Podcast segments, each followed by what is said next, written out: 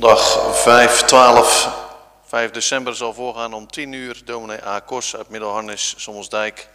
En om 6 uur dominee A. Kos, eveneens uit Middelharnis. Agenda. Dinsdagavond zijn er de categorisaties. Woensdagavond is er een toerustingsavond omtrent de evangelisatiedienst, welke 12 december gepland staat. En de kerst-evangelisatieactiviteit. Ook wordt er teruggeblikt op de enquête van afgelopen zomer. Donderdagavond is er om 7 uur beleidingscategorisatie en om kwart voor acht vrouwenvereniging. Vrijdagavond is er de JV 15 min. Zaterdag 4 december gaan we het evangelie delen met onze naasten en ook uitnodigingen verspreiden voor de evangelisatiedienst van 12 december. Nadere informatie via de Scipio-app. Gaat u, jij mee, meld u aan via de Scipio-app. Verdere afkondigingen. De kerkraad is dankbaar dat de beide broeders Dorst en Van der Bos hun benoeming als ouderling en diaken hebben mogen aanvaarden. En en dat er geen tegenkandidaten zijn ingediend tegen de opnieuw kiesbare ambtsdragers De Wit, Doog en Van der Wekken. Eventuele bezwaren tegen beleidenis en wandel kunnen tot en met woensdag aanstaande schriftelijk gemotiveerd en duidelijk ondertekend ingediend worden bij de scriba van de kerkraad, Diaken van Koeveringen. We willen voor deze dienst vragen de lopende mensen een mondkapje te dragen en uitsluitend het podium te betreden en te verlaten via het daarvoor bestemde trapje. Voor de data en tijden geldt, zo de Heer wil en wij leven zullen. De collecte voor vandaag, de eerste collecte is voor de diaconie te mate van de stichting Stefanos. De tweede collecte is voor de Kerkvoordij te mate van de eigen middelen. De derde collecte is voor de predikantsplaats. De opbrengst van de zendingsbussen is in het vierde kwartaal bestemd voor de Spaans-evangelische zending. Deze collecten worden van harte in de milddadigheid aanbevolen. En God heeft de blijmoedige gever lief. Laten we samen deze dienst beginnen.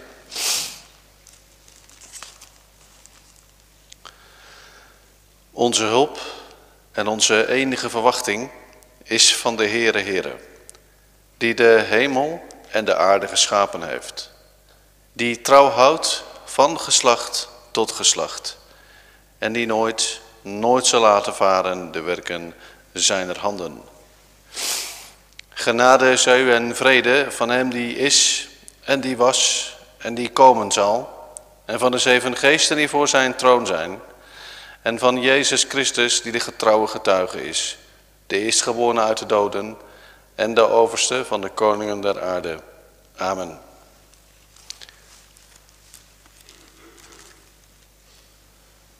We zingen Psalm 111.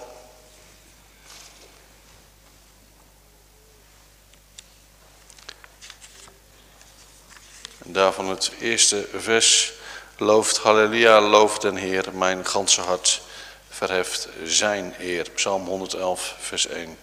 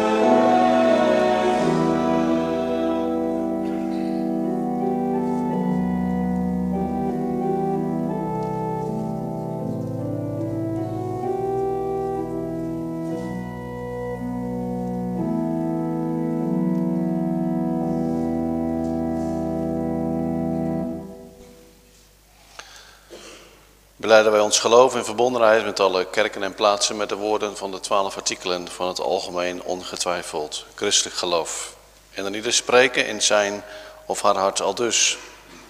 Ik geloof in God de Vader, de Almachtige, Schepper des hemels en der aarde. En in Jezus Christus, zijn enige geboren Zoon, onze Heere. Die ontvangen is van de Heilige Geest, geboren uit de Maagd Maria, die geleden heeft onder Pontius Pilatus, is gekruisigd, gestorven en begraven, nedergedaald ter helle. Ten derde dagen wederom opgestaan van de doden.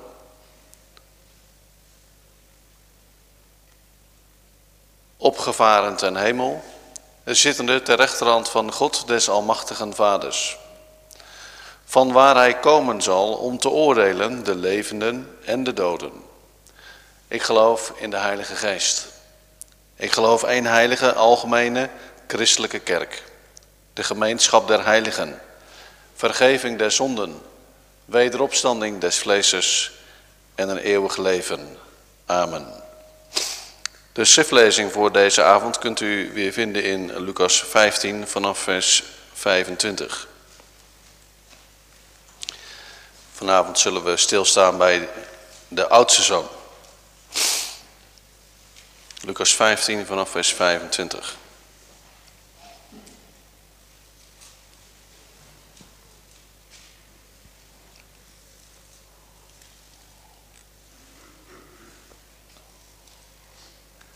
En zijn oudste zoon was in het veld.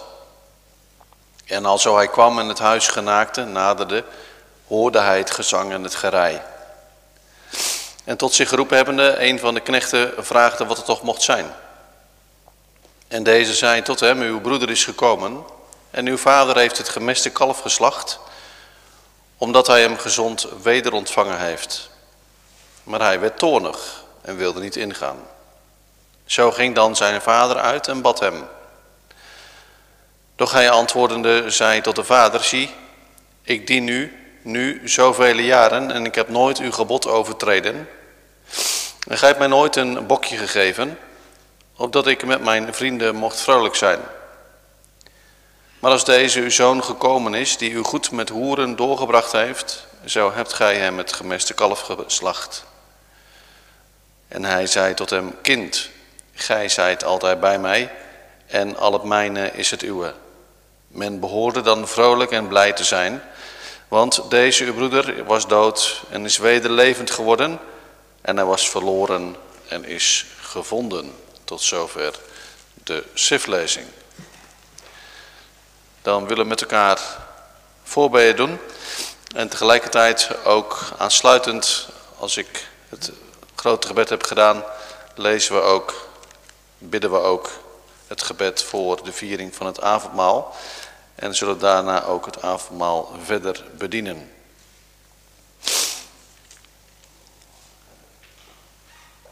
Laten we samen bidden om de komst van de Heilige Geest en de opening van het woord.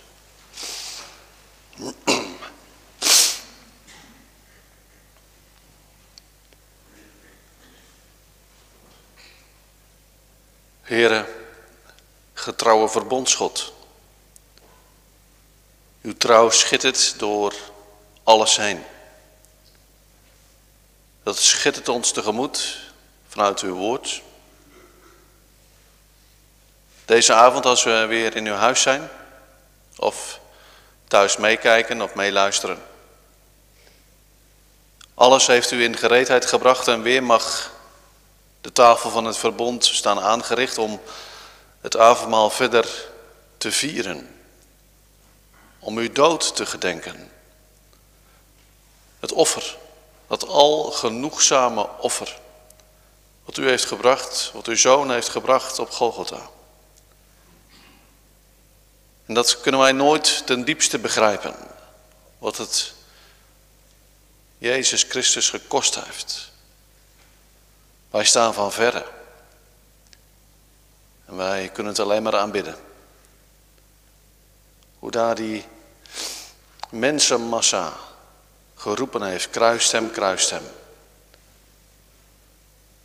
En als we heel eerlijk zijn en wij zouden in die tijd hebben geleefd, zouden wij er ook bij hebben gestaan. Want we willen wel naar u luisteren, naar uw gelijkenissen en we willen wel luisteren naar de, en bewonderen de wonderen.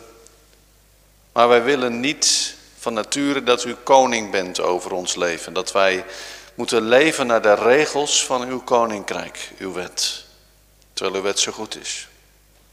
Maar uw wet is ook zo dat, dat een mens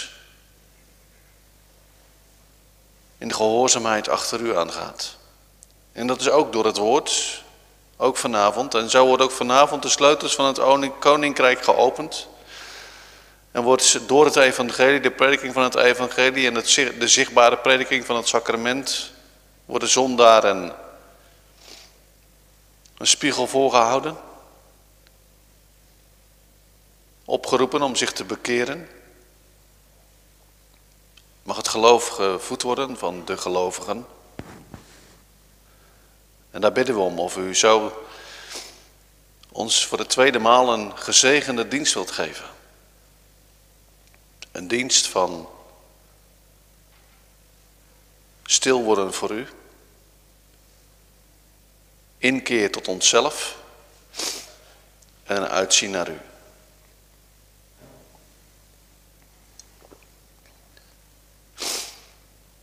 Dan bidden wij vooral degenen die de worsteling kennen aan uw genadetroon. Wilt u ze overmeesteren door de krachtige werking van uw Heilige Geest. Mensen die met spanning zitten. Twijfel. Heren, wilt u alles wegnemen. Al die twijfel, al die spanning. En trek ze door uw liefde. Door uw genade. Die lieflijke nodiging. Want het gaat niet om die mensen. Maar het gaat om uw eer. Om uw majesteit en om uw heerlijkheid. Dan mogen we u danken dat we zo in de gelegenheid zijn om te midden van alle ziekte en alle pandemie, perikelen, deze dienst uit uw hand ontvangen. Om met elkaar, in gemeenschap met elkaar, uw grote naam loven en danken. Zodat u al de eer krijgt. We bidden voor degenen die met ons meeluisteren, die hier graag hadden willen zijn, maar niet kunnen omdat ze in quarantaine zitten, omdat ze klachten hebben, omdat ze ziek zijn, corona besmet zijn. Heren, gedenkt u hen. En voedt u hen met geestelijk voedsel.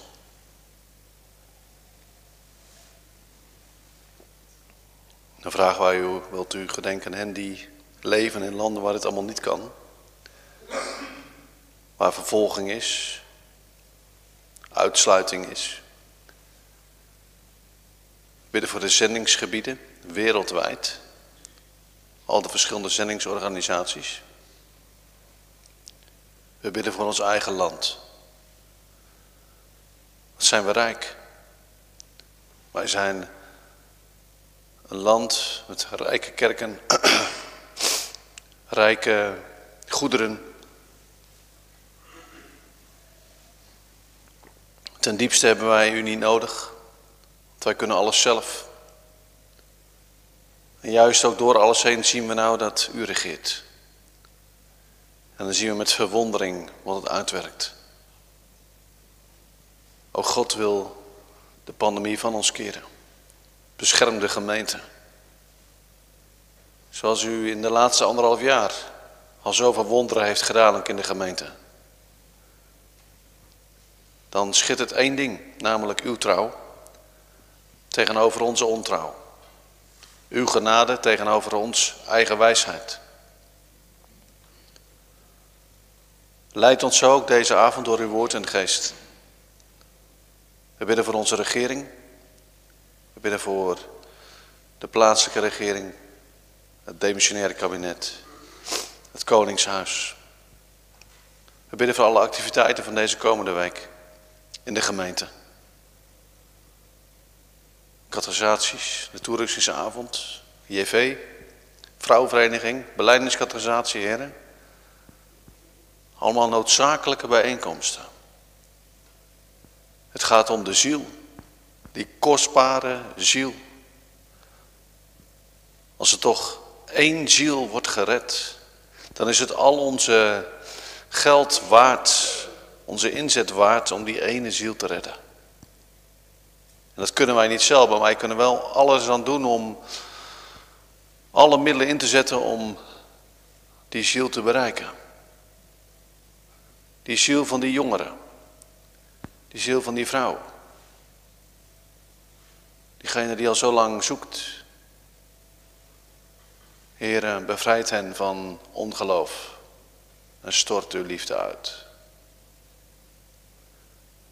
Dan mogen wij ook zo dadelijk weer het avondmaal vieren, heren. En dan bidden wij die bekende woorden die u ons gegeven heeft, honderden jaren lang al. Barmhartige God en Vader, wij bidden u dat gij in dit avondmaal waarin wij oefenen de heerlijke gedachtenis van de bittere dood van uw lieve Zoon Jezus Christus, door uw Heilige Geest in onze harten wilt werken, bewerken, dat wij ons met waarachtig vertrouwen aan uw Zoon Jezus Christus hoe langer hoe meer overgeven,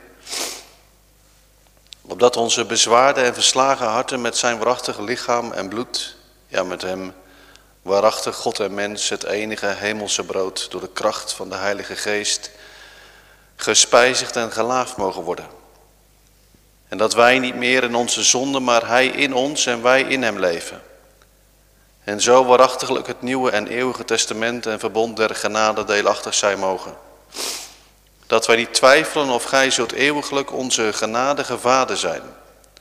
Ons onze zonden nimmer meer toerekenende en met alle dingen aan lichaam en ziel verzorgende als uw lieve kinderen en erfgenamen.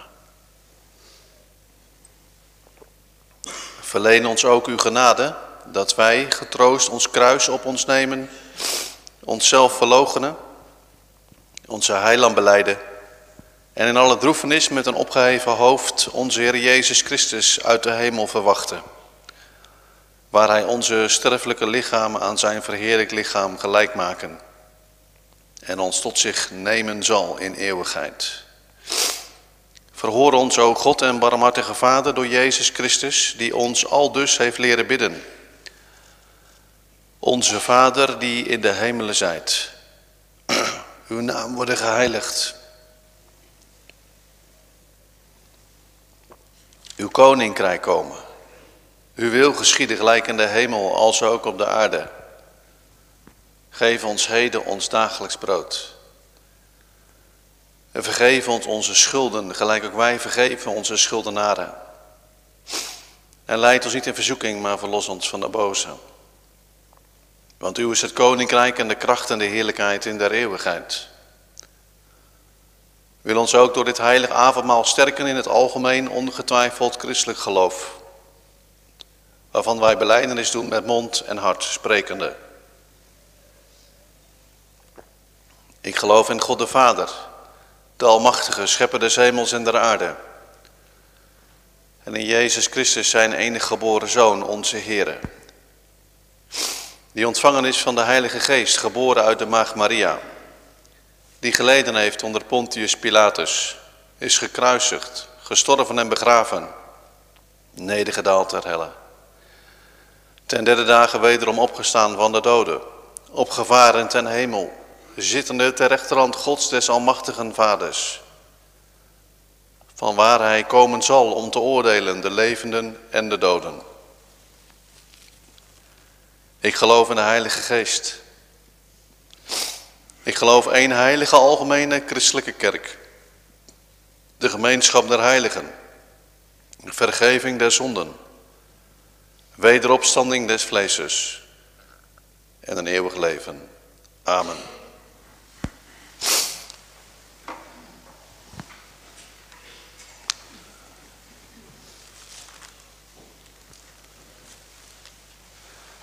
Terwijl wij de tafel zullen gereed maken, zingen wij Psalm 111, het derde vers. Hij maakt, hij die heerlijk is, zijn wonderen een gedachtenis. Psalm 111, vers 3.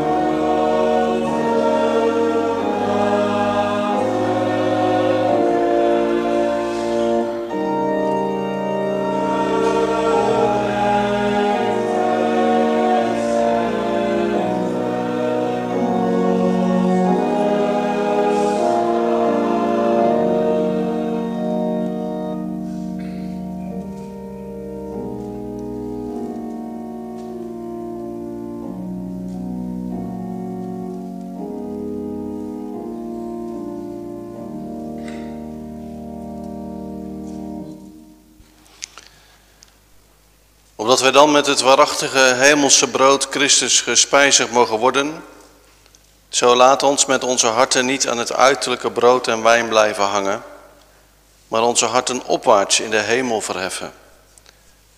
Waar Jezus Christus is, onze voorspraak. Ter rechterhand zijn hemelse vaders, waarin ons ook de artikelen van ons christelijk geloof wijzen. Niet twijfelende of wij zullen zo waarachtiglijk door de werking van de Heilige Geest met zijn lichaam en bloed in onze zielen gespijzigd en gelaafd worden. Als wij het heilige brood en de heilige drank tot zijn gedachtenis ontvangen. Voor de derde maal deze dag mag de nodiging uitgaan. Komt.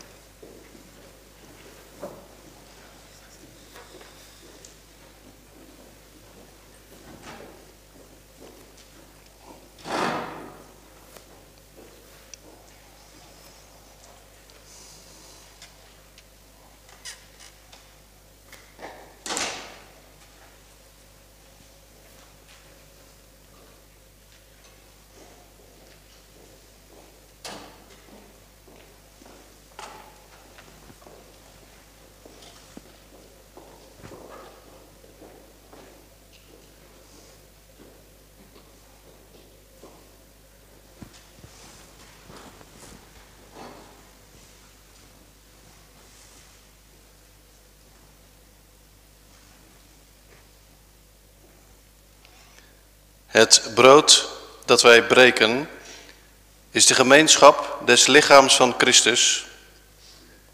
Neemt, eet, gedenkt en gelooft dat het lichaam van onze Heer Jezus Christus gebroken is tot een volkomen verzoening van al onze zonden.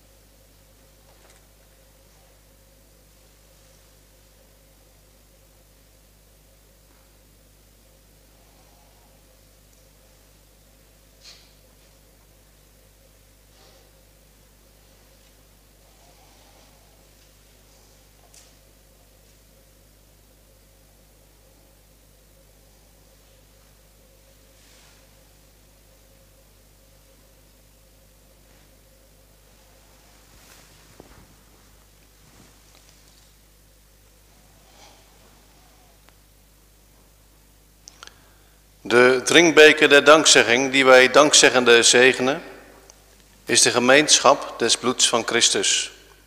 Neemt, drinkt allen daaruit gedenkt en gelooft dat het dierbaar bloed van onze Heer Jezus Christus vergoten is tot een volkomen verzoening van al onze zonden.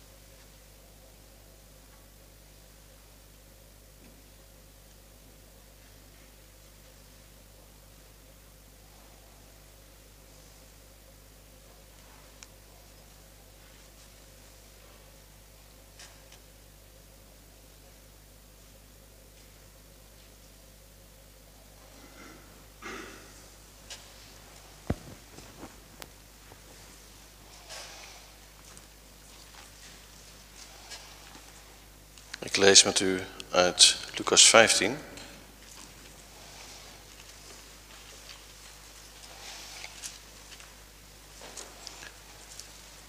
Vanaf vers 1.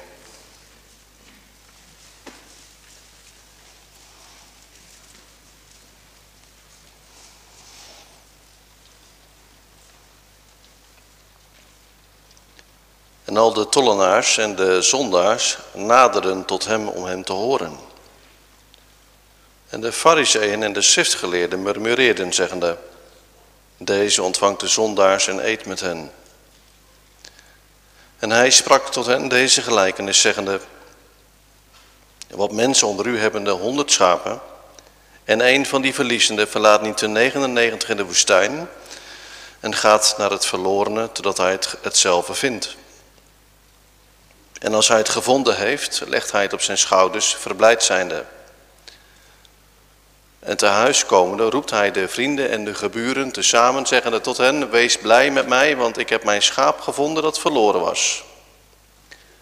Ik zeg lieden dat er al zo blijdschap zal zijn in de hemel over één zondaar die zich bekeert, meer dan over 99 rechtvaardigen die de bekering niet van nodig hebben. Tot zover. We gaan zingen op Psalm 116.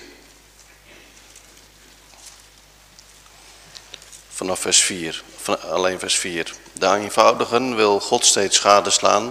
Ik was uitgeteerd, maar hij zag op mij neder. Psalm 116, vers 4.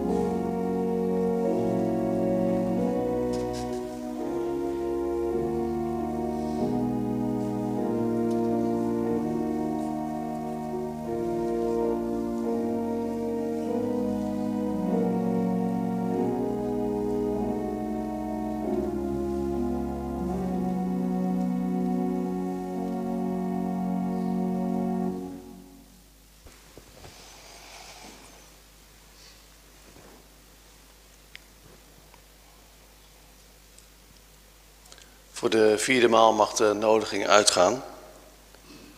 Voor hen die hongeren en dorsten naar de gerechtigheid. Zij die leven van genade door het geloof in hun zaligmaker, Jezus Christus. Welkom.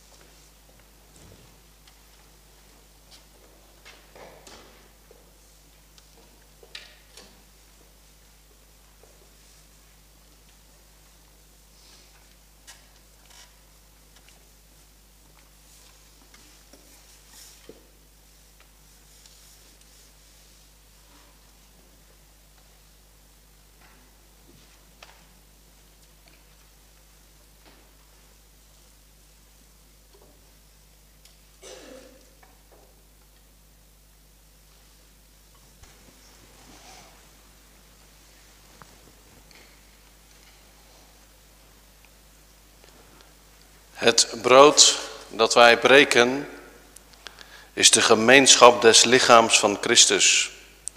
Neemt, eet, gedenkt en gelooft dat het lichaam van onze Heer Jezus Christus gebroken is tot een volkomen verzoening van al onze zonden.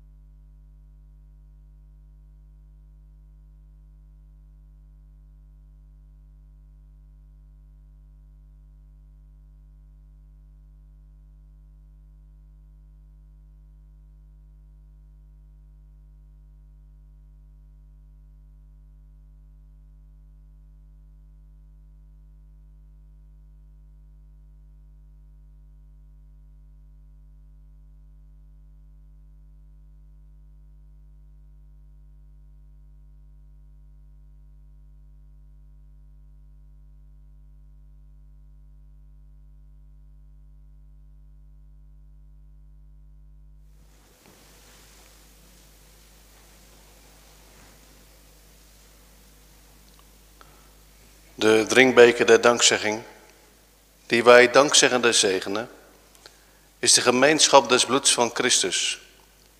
Neemt, drinkt allen daaruit. Gedenkt en gelooft dat het dierbaar bloed van onze Heer Jezus Christus vergoten is tot een volkomen verzoening van al onze zonden.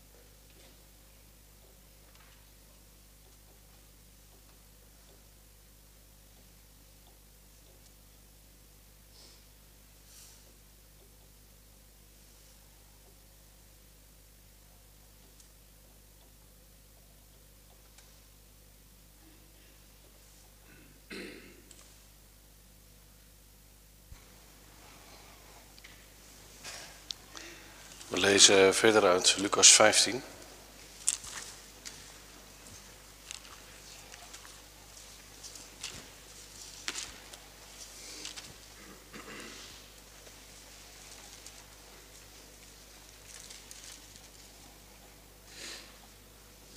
Vanaf vers 8. Of wat vrouw hebben de tien penningen, indien zij één penning verliest, ontsteekt niet één kaars en keert het huis met bezemen en zoekt naastiglijk totdat zij die vindt.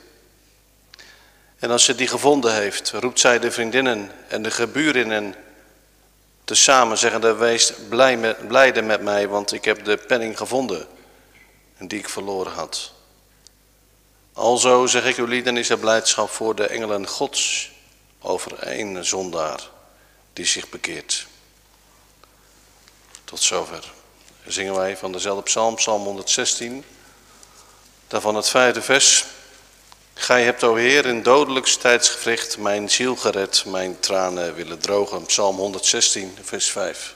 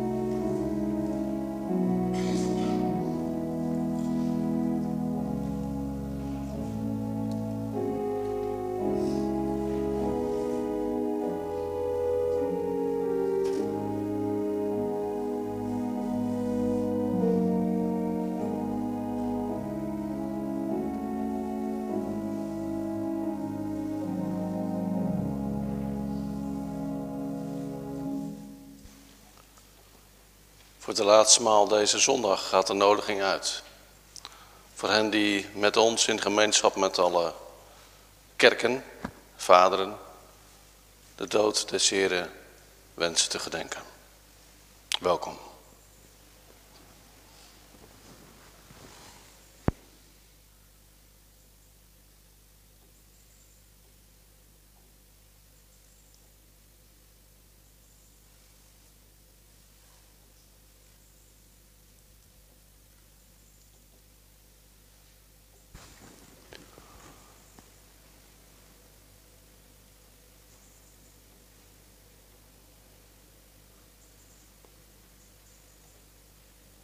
Is bij deze de tafel des Heren gesloten.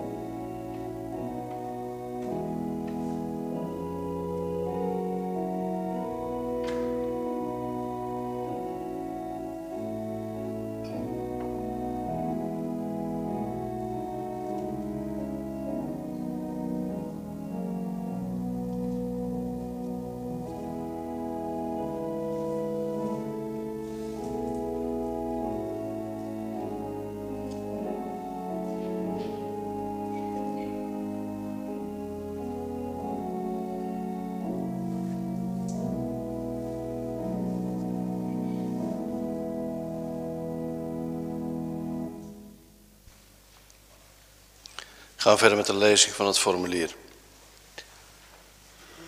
Geliefden in de Here, terwijl de Heere nu aan zijn tafel onze zielen gespijzigd heeft, zo laat ons al samen zijn naam met dankzegging prijzen. En dan iegelijk spreken zijn hart al dus, Psalm 103. Loof de Heere mijn ziel en al wat binnen in mij is zijn heilige naam. Loof de Heere mijn ziel en vergeet geen van zijn weldaden die al uw ongerechtigheid vergeeft, die al uw krankheden geneest, die uw leven verlost van het verderf, die u kroont met goede tierenheid en barmhartigheden. Barmhartig en genadig is de Heere, langmoedig en groot van goede tierenheid. Hij zal niet altoos twisten, nog eeuwiglijk de toren behouden. Hij doet ons niet naar onze zonden en vergeldt ons niet naar onze ongerechtigheden. Want zo hoog de hemel is boven de aarde, is zijn goede tierenheid geweldig over degenen die hem vrezen.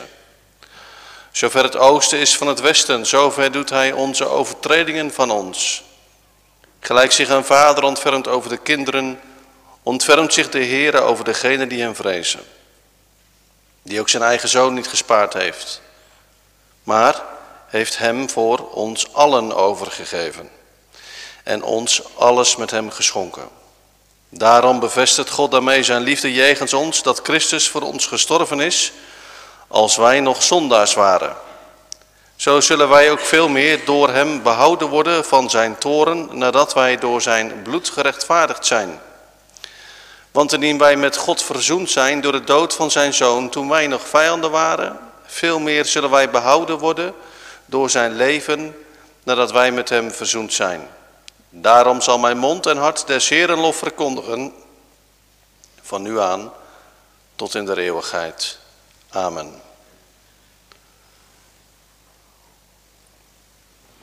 Laten we samen bidden. O barmhartige God en Vader, wij danken u van ganser harte dat gij uit grondeloze barmhartigheid ons uw enige geboren zoon tot een middelaar en offer voor onze zonde en tot spijze en drank van het eeuwige leven geschonken hebt. En dat gij ons geeft een waarachtig geloof, waardoor wij zulke uw weldaden deelachtig worden. Gij hebt ons ook tot sterking daarvan door uw lieve Zoon Jezus Christus het heilige avondmaal laten instellen en verordenen. Wij bidden u, o getrouwe God en Vader, dat gij door de werking van uw Heilige Geest de gedachtenis van onze Heer Jezus Christus en de verkondiging van zijn dood ons tot dagelijks toenemen in het rechte geloof en in de zalige gemeenschap van Christus wilt laten gedijen, door hem uw lieve Zoon Jezus Christus, in wiens naam wij onze gebeden besluiten, gelijk hij ons geleerd heeft, zeggende, Onze Vader die in de hemelen zijt, Uw naam worden geheiligd, uw koninkrijk komen. Uw wil geschieden, gelijk in de hemel, er ook op de aarde. Geef ons heden ons dagelijks brood. En vergeef ons onze schulden, gelijk ook wij vergeven onze schuldenaren. En leid ons niet in verzoeking, maar verlos ons van de boze. Want u is het koninkrijk en de kracht en de heerlijkheid in der eeuwigheid. Amen.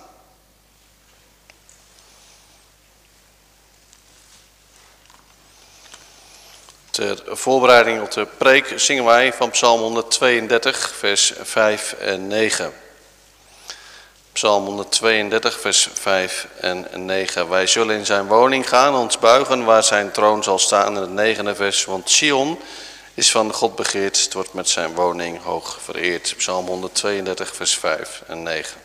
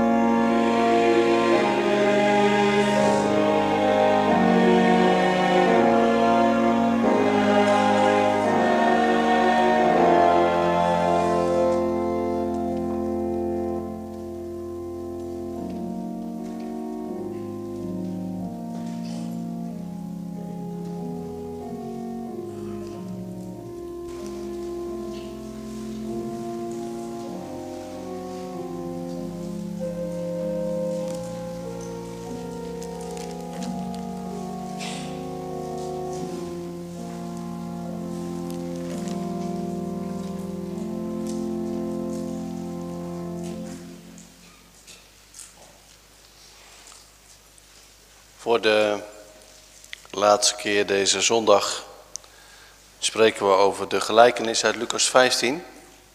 En vanavond zullen we in een bijzonder stilstaan bij de oudste zoon. Eerst doen we nog een kleine terugblik naar de ontvangst van de vader van de jongste zoon. Eén element springt daaruit wat met elkaar verbonden is. Wat, ook, wat we ook lezen in het avondmaalsformulier. Want waar gaat het nou eigenlijk om? Het gaat erom dat God zich in zijn grondeloze barmhartigheid zijn Zoon Jezus Christus gegeven heeft. En dat zie je ook terugkomen hier in dit gedeelte, dat hij dus in zijn grondeloze barmhartigheid die vader, die zoon ontvangt.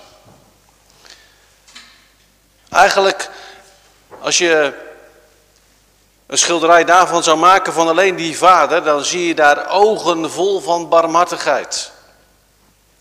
Je ziet dat hij handen heeft vol van barmhartigheid. Want met die handen en die armen omhelst hij zijn zoon. Je ziet ook dat de vader liep met, of hij rende. Hè? ik heb het vanmiddag nog, nog weer nagelezen, want ja, stel je voor dat je je vergist, maar het staat er echt in het Grieks. Hij rende. Juist ook dat was heel bijzonder, hè? dat die statige grootgrondbezitter rende naar zijn zoon met voeten van barmhartigheid. Die vader die kuste zijn zoon met een kus van barmhartigheid. Maar ook de woorden die hij sprak waren woorden van barmhartigheid. Als je dat nou allemaal op je in laat werken, dan is er dus geen enkel excuus voor een zondaar om niet de toevlucht te nemen tot Christus. Want alleen door Christus kunnen wij bestaan voor God.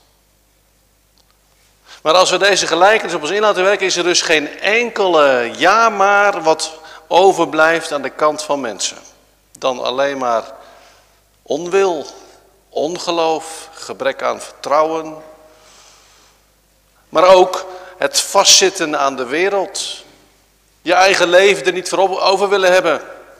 Wel zondag tegen de kerk gaan vooruit, maar niet, uh, niet je leven stellen in gehoorzaamheid aan de meester.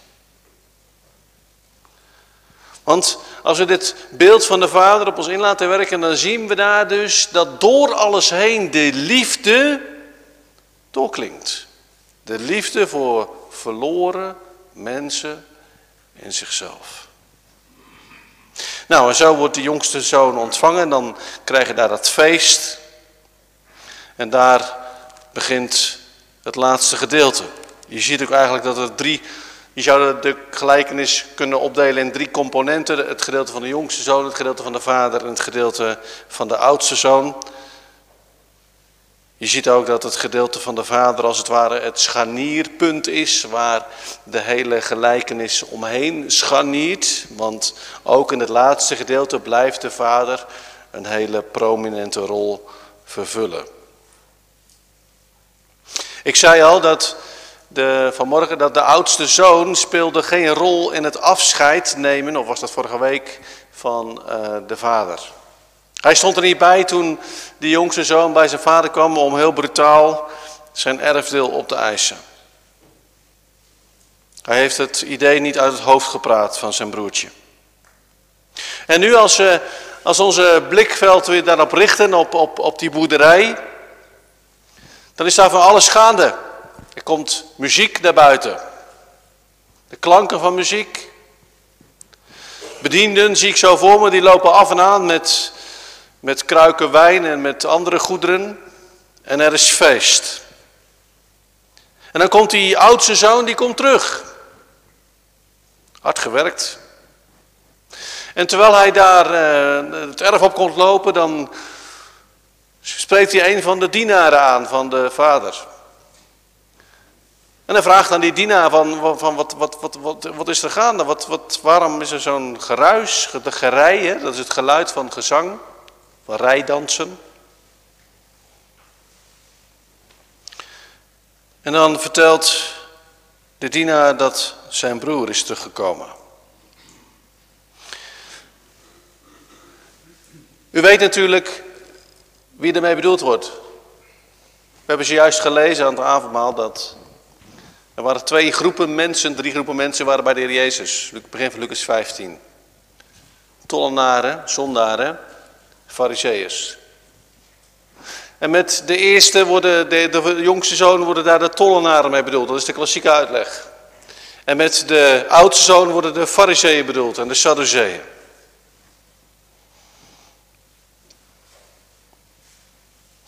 En dan gaat hij een heel gesprek afsteken tegen zijn vader.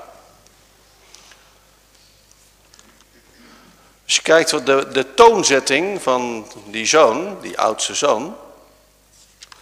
En als je het dan vergelijkt met het gesprek, het, hoe die jongste zoon tot zichzelf inkeerde, weet u nog, vers 18 en 19. En als je die dan vergelijkt met wat die oudste zoon allemaal zegt.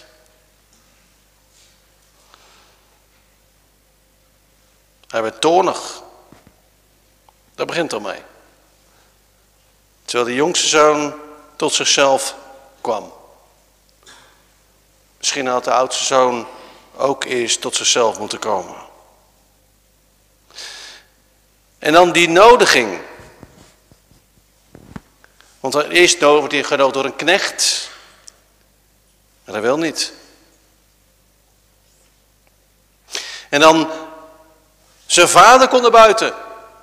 En die bad hem. Riep hem.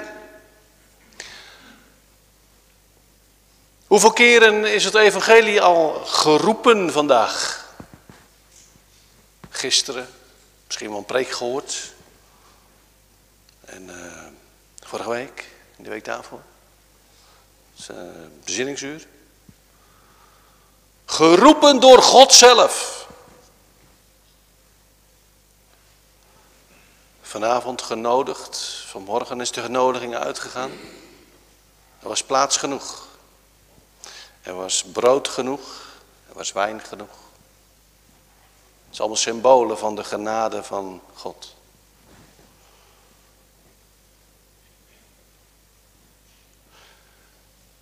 En hij wilde niet. Kijk, dit is een dienst van dankzegging. En dat klinkt er ook in door, dat begrijpt u. We hebben ook God al gedankt. En ik zal het aan het eind nog weer doen. Het is zijn trouwen, zoals we ook vanmorgen zeiden, dat we onder deze omstandigheden samen mogen komen en nog het avondmaal kunnen vieren. En je bent onuitsprekelijk dankbaar als je ziet dat mensen de vrijmoedigheid ontvangen om aan te gaan. Voor het eerst opnieuw. Zou het er kunnen zijn dat er ook nog mensen in de gemeente zijn die eigenlijk hadden aan moeten gaan, maar niet gegaan zijn? Ik heb het niet bijgehouden, want op een gegeven moment overzie ik dat niet meer. Maar ik weet zeker dat er mensen zijn die zijn blijven zitten vanavond. Of vanmorgen. Hebben wel beleidenis gedaan ooit. Beleid je dan ook niet wat als je blijft zitten?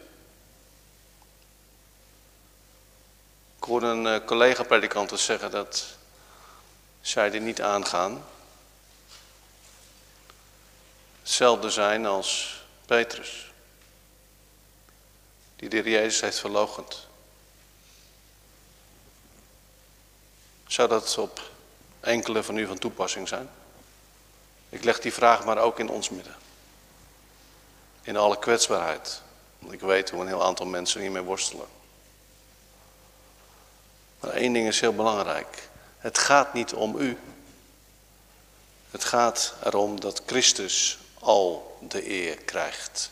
Want Hij heeft geleden aan het kruis. Hij heeft heel die lijdensweg gegaan. Om te betalen voor al die zonden.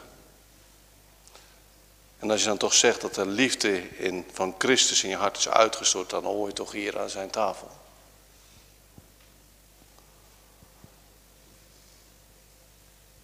Dan is het beleefde welzijn hopelijk volgende keer weer de tijd. Zult u dan terugdenken aan die woorden?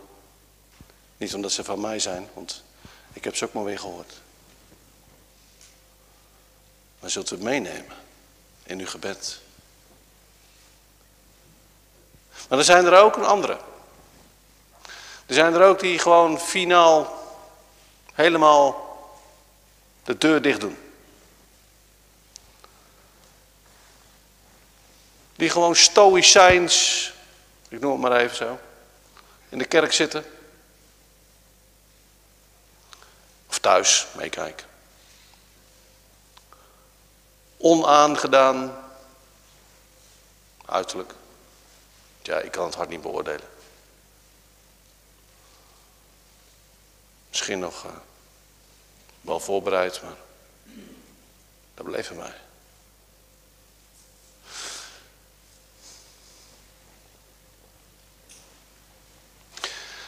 Die al die woorden van het evangelie op zich in laten werken en zo van zich af laten spoelen.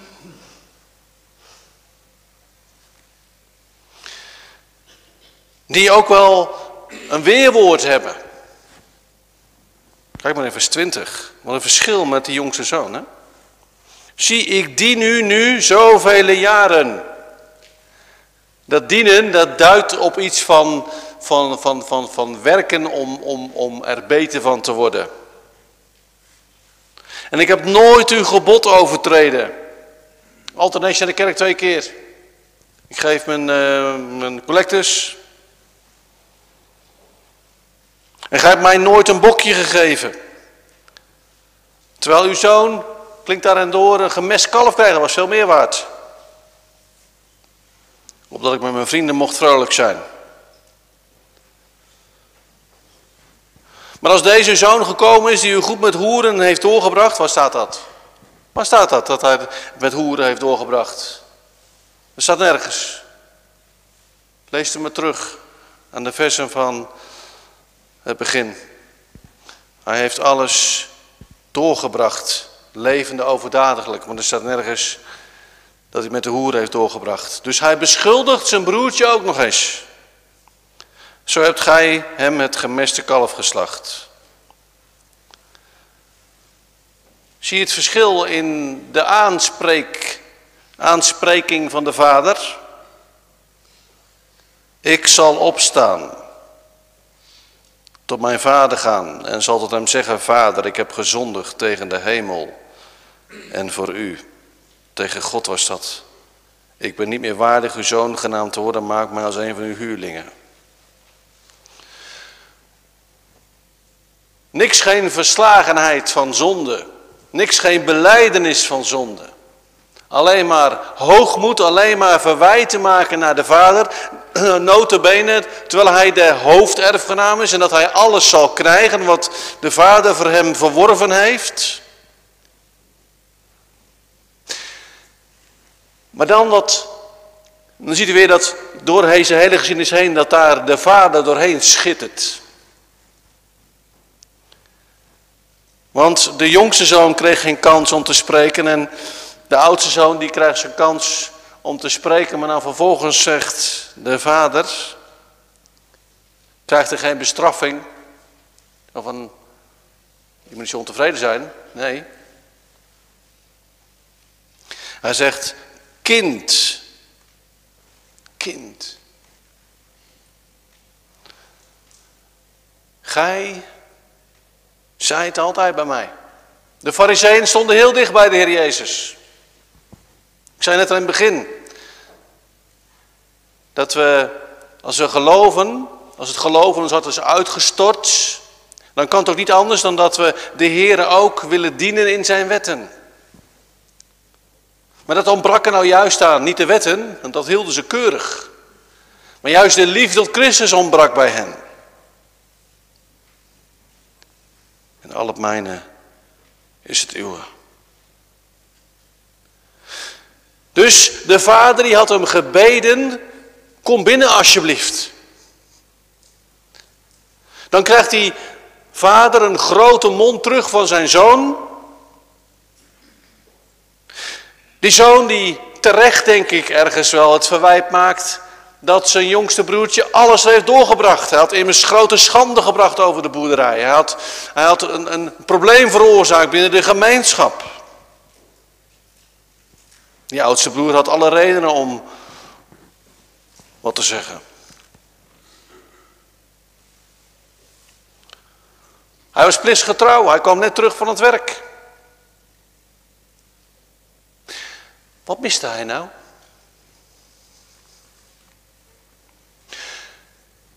Als nou een zondaar tot geloof komt, hebben we in de vorige twee gelijkenissen gelezen, van Lucas 15, dan lezen we als er één schaap gevonden is, dan sluit er Jezus af in vers 7. Ik zeg lieden dat er al zo blijdschap zal zijn in de hemel over één zondaar die zich bekeert, meer dan over 99 rechtvaardigen die de bekering niet van nodig hadden. De oudste zoon heeft zijn vader helemaal niet nodig. Hij kan het allemaal zelf wel. Het hele thema wat door deze drie gelijkenissen heen speelt, is het van verloren, van opzoeken, van gevonden worden, maar ook van blijdschap. Blijdschap in de hemel.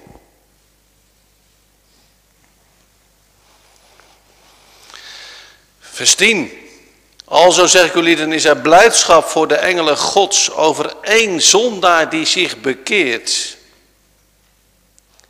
In vers 7, één zondaar. Daarom zegt de vader tegen zijn zoon, men behoorde dan vrolijk en blij te zijn, want deze broeder was dood en is weder levend geworden en hij was verloren en is gevonden. En de Heer weet of er vanavond of vandaag blijdschap is geweest in de hemel. Over één zondaar die zich bekeert. Dan mogen wij ons ook verheugen in de grote werken van de Heer. En ons verwonderen. Ziet u dat door al dit, deze geschiedenis heen de barmhartigheid van God doorklinkt. De barmhartigheid van de Vader. En hij gaat zelfs zover dat hij buiten het feest komt, terwijl die deur open staat. En zijn zoon naar binnen nodigt. Hij smeekt om de zegening van zijn heil te accepteren. Zalig zijn zij die ingewonnen worden en dankbaar zijn uitnodiging aannemen en naar het feestmaal komen. Om daar een vreugde te laten blijken. Geloof hem dan op zijn woord. Want ik heb het zelf uit zijn mond gehoord, Psalm 56.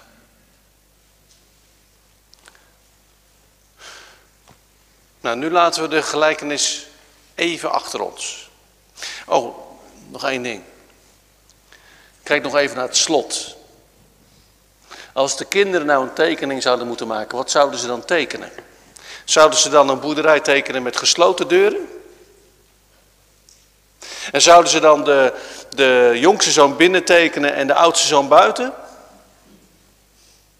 Of zouden ze een boerderij tekenen waar de deuren wagenwijd openstaan, waar er binnen één groot feest is en waar de oudste zoon binnen is? Want daar zien we de vertelkunst van de Heer Jezus. Dit is een zogenaamde gelijkenis met een open einde. Men behoorde dan vrolijk en blij te zijn, want deze broeder was dood en is weder levend geworden en hij was verloren en is gevonden. En dan stopt de Heer Jezus. Dus daarmee geeft hij aan, de verantwoordelijkheid ligt bij de luisteraar. De nodiging is uitgegaan en beleven er wel zijn om en nabij de drie over drie maanden weer. Maar de nodiging van het heil is niet afhankelijk van het avondmaal. De nodiging om te komen tot het heil gaat ook deze avond weer uit. En de deur van de bruiloftszaal, de deur van de hemel, staat ook vanavond wagenwijd open. Ook voor oudste zonen. Die rechtvaardig zijn in zichzelf. Voor jongste zonen, zondaren, zondaressen, oudste dochters. Er is ruimte. En er is een nodiging. Maar de nood van de tijd gaat daarin mee.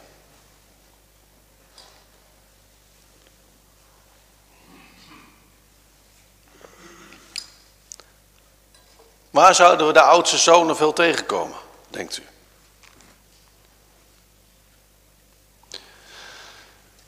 Waar komen die veel tegen?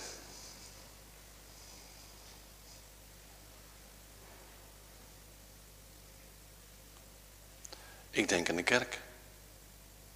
Ik denk dat we heel veel oudste zonen en oudste dochters in de kerk hebben. Jaar in, jaar uit evangelie gehoord. Kinderen van het verbond. Door de weeks. Maar van binnen is het allemaal koud, kil, dor, slap, lauw.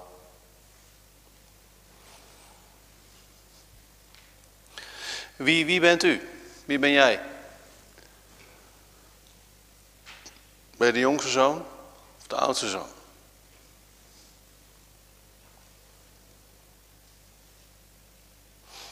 Oudste zonen zijn mensen die wel uiterlijk in de kerk zitten.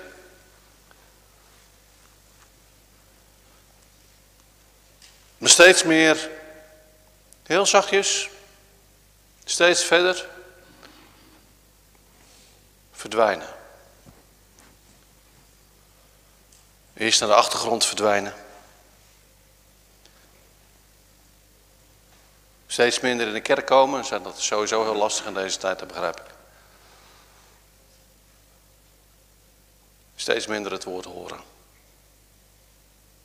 Steeds meer zich thuis voelen in de wereld. En nog eens omdat ze de, de preek niet meer goed vinden of de kerkdienst, maar gewoon, ja, het heeft hun hart niet. En de wereld die trekt.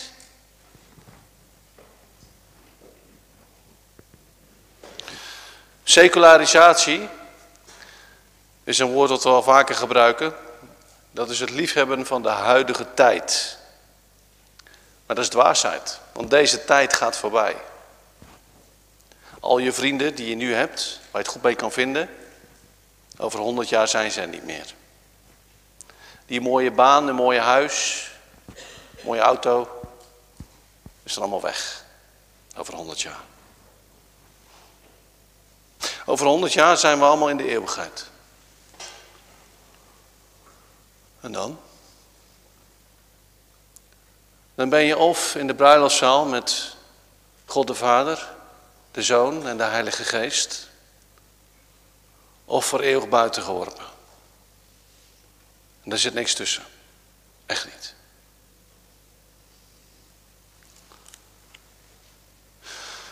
Hier misschien ooit wel eens opgeschrikt door een preek. Maar toch weer de zorgvuldigheden van het leven die u hebben meegesleurd. En u zo door het leven bent gerend.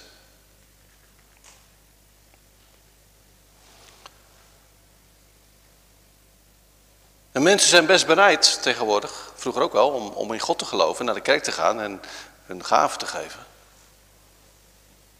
Maar ja, het gewone leven is zo druk. Allemaal goede dingen. We kunnen beter nog, nog even harder werken dan feest vieren. We kunnen beter harder werken dan evangeliseren. Is toch belangrijk? Maar waar doe je het voor? Waar doe je het voor? Wat heeft u meerwaarde in uw leven? Weet u wat een blijdschap het geeft als u spreekt over de Heer Jezus Christus? Als u evangeliseert. Er hebben zich zes mensen opgegeven. 4 december. En ik weet niet hoeveel er komen aanstaande woensdagavond.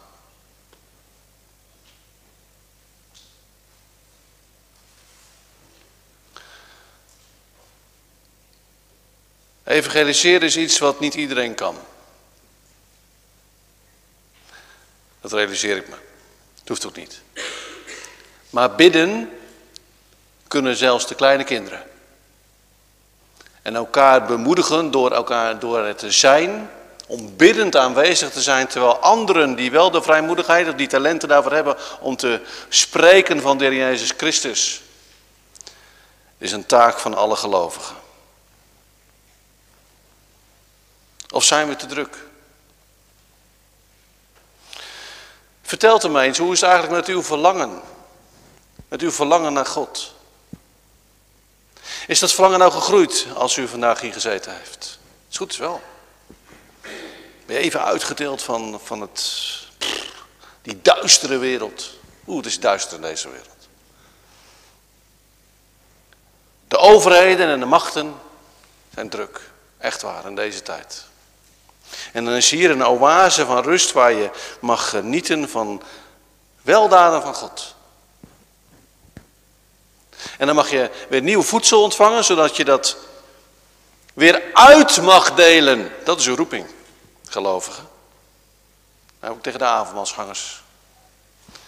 Mag je uitdelen. Niet voor jezelf houden. Uitdelen. Groot spreken van de daden van God. Groot spreken over de barmhartigheid van God. Milde handen. Vriendelijke ogen. Dat is God. In Christus.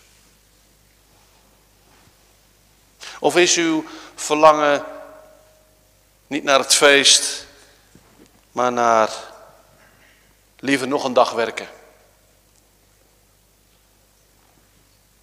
Nog meer aardse schatten vergaderen.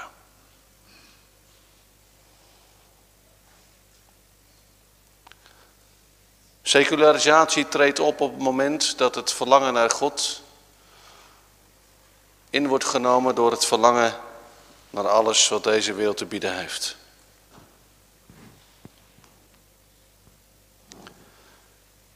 Als het goed is, avondmaalsgangers, als het goed is, beseffen wij allemaal heel erg goed dat het hier niet is, op deze aarde.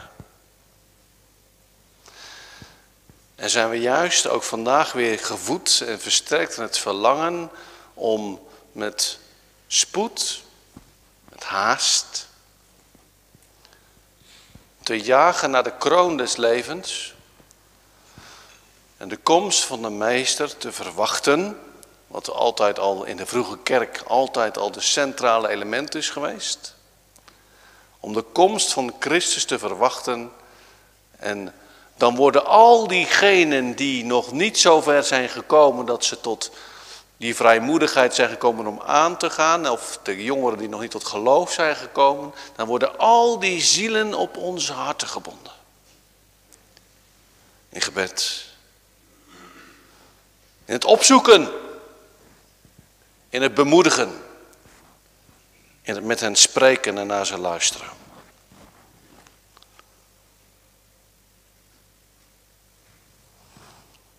Zijn wij zo, een pelgrim? En zien we uit naar die dag. Zien we uit naar die dag dat wij net als die oudste zoon en die jongste zoon in gesprek zijn met de vader.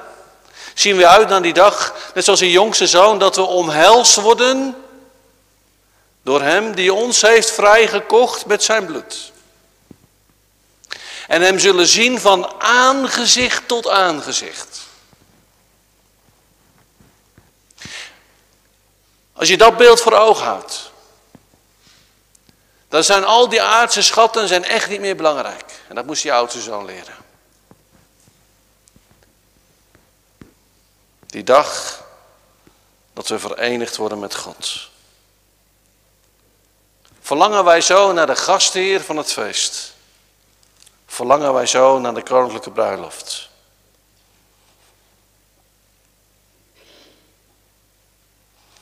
En door deze gelijkenis heen klinkt de liefde van de Vader. Nog één ding over die liefde van de Vader. In zijn Zoon Jezus Christus. De liefde van Christus. Dat is een, dat is een liefde die stelt geen voorwaarden. Dat is een onvoorwaardelijke liefde. Die stelt niet als eis dat wij eerst liefde tot Hem moeten voelen. Of iets in ons moeten hebben. Nee, die liefde van God en Christus, dat is een liefde die is niet afhankelijk van onze liefde.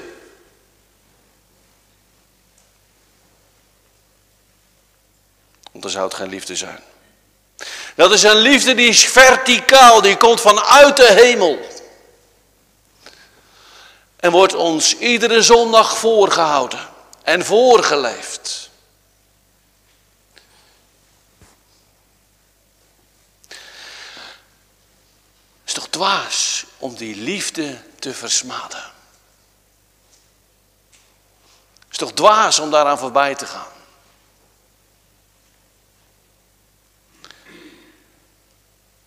De deur staat open. Wagenwijd. Maar er zal een moment zijn dat die deur dicht zit. Als de zoon des mensen zal komen op de wolken des hemels. Wiens komst wij verwachten met een groot verlangen. Men behoorde dan vrolijk en blij te zijn. Want deze uw broeder was dood en is weder levend geworden. En hij was verloren en is gevonden. Amen.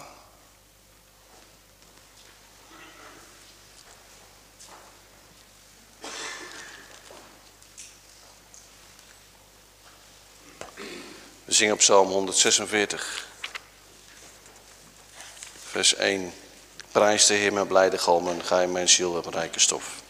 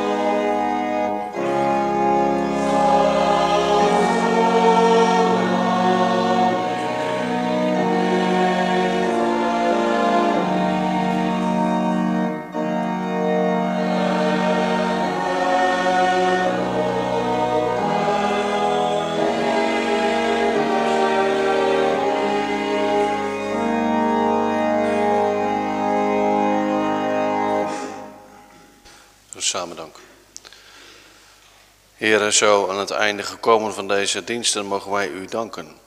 Danken voor uw eeuwig blijvende woord. De nodigingen die uit zijn gegaan. De nodiging om te komen tot het heil. Het voedsel, het geestelijke voedsel, wat we hebben ontvangen, het teken en zegel van de verbondstafel, zichtbaar in ons midden. Geef die ware dankbaarheid tot u, o Heer. Dat we zo ook de komende tijd mogen overlopen. Dat ons hart overloopt vanwege dat brandende verlangen. Om zo met al die mensen die leven van genade, uw naam groot te maken in het midden van de gemeente. Maar dat ook de zielen op ons hart zijn gebonden van hen die u nog niet kennen.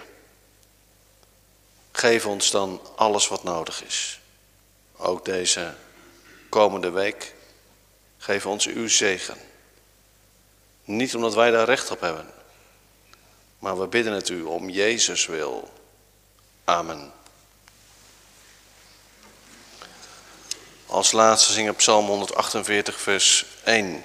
Looft God, zingt eeuwig zeren lof. Psalm 148, vers 1.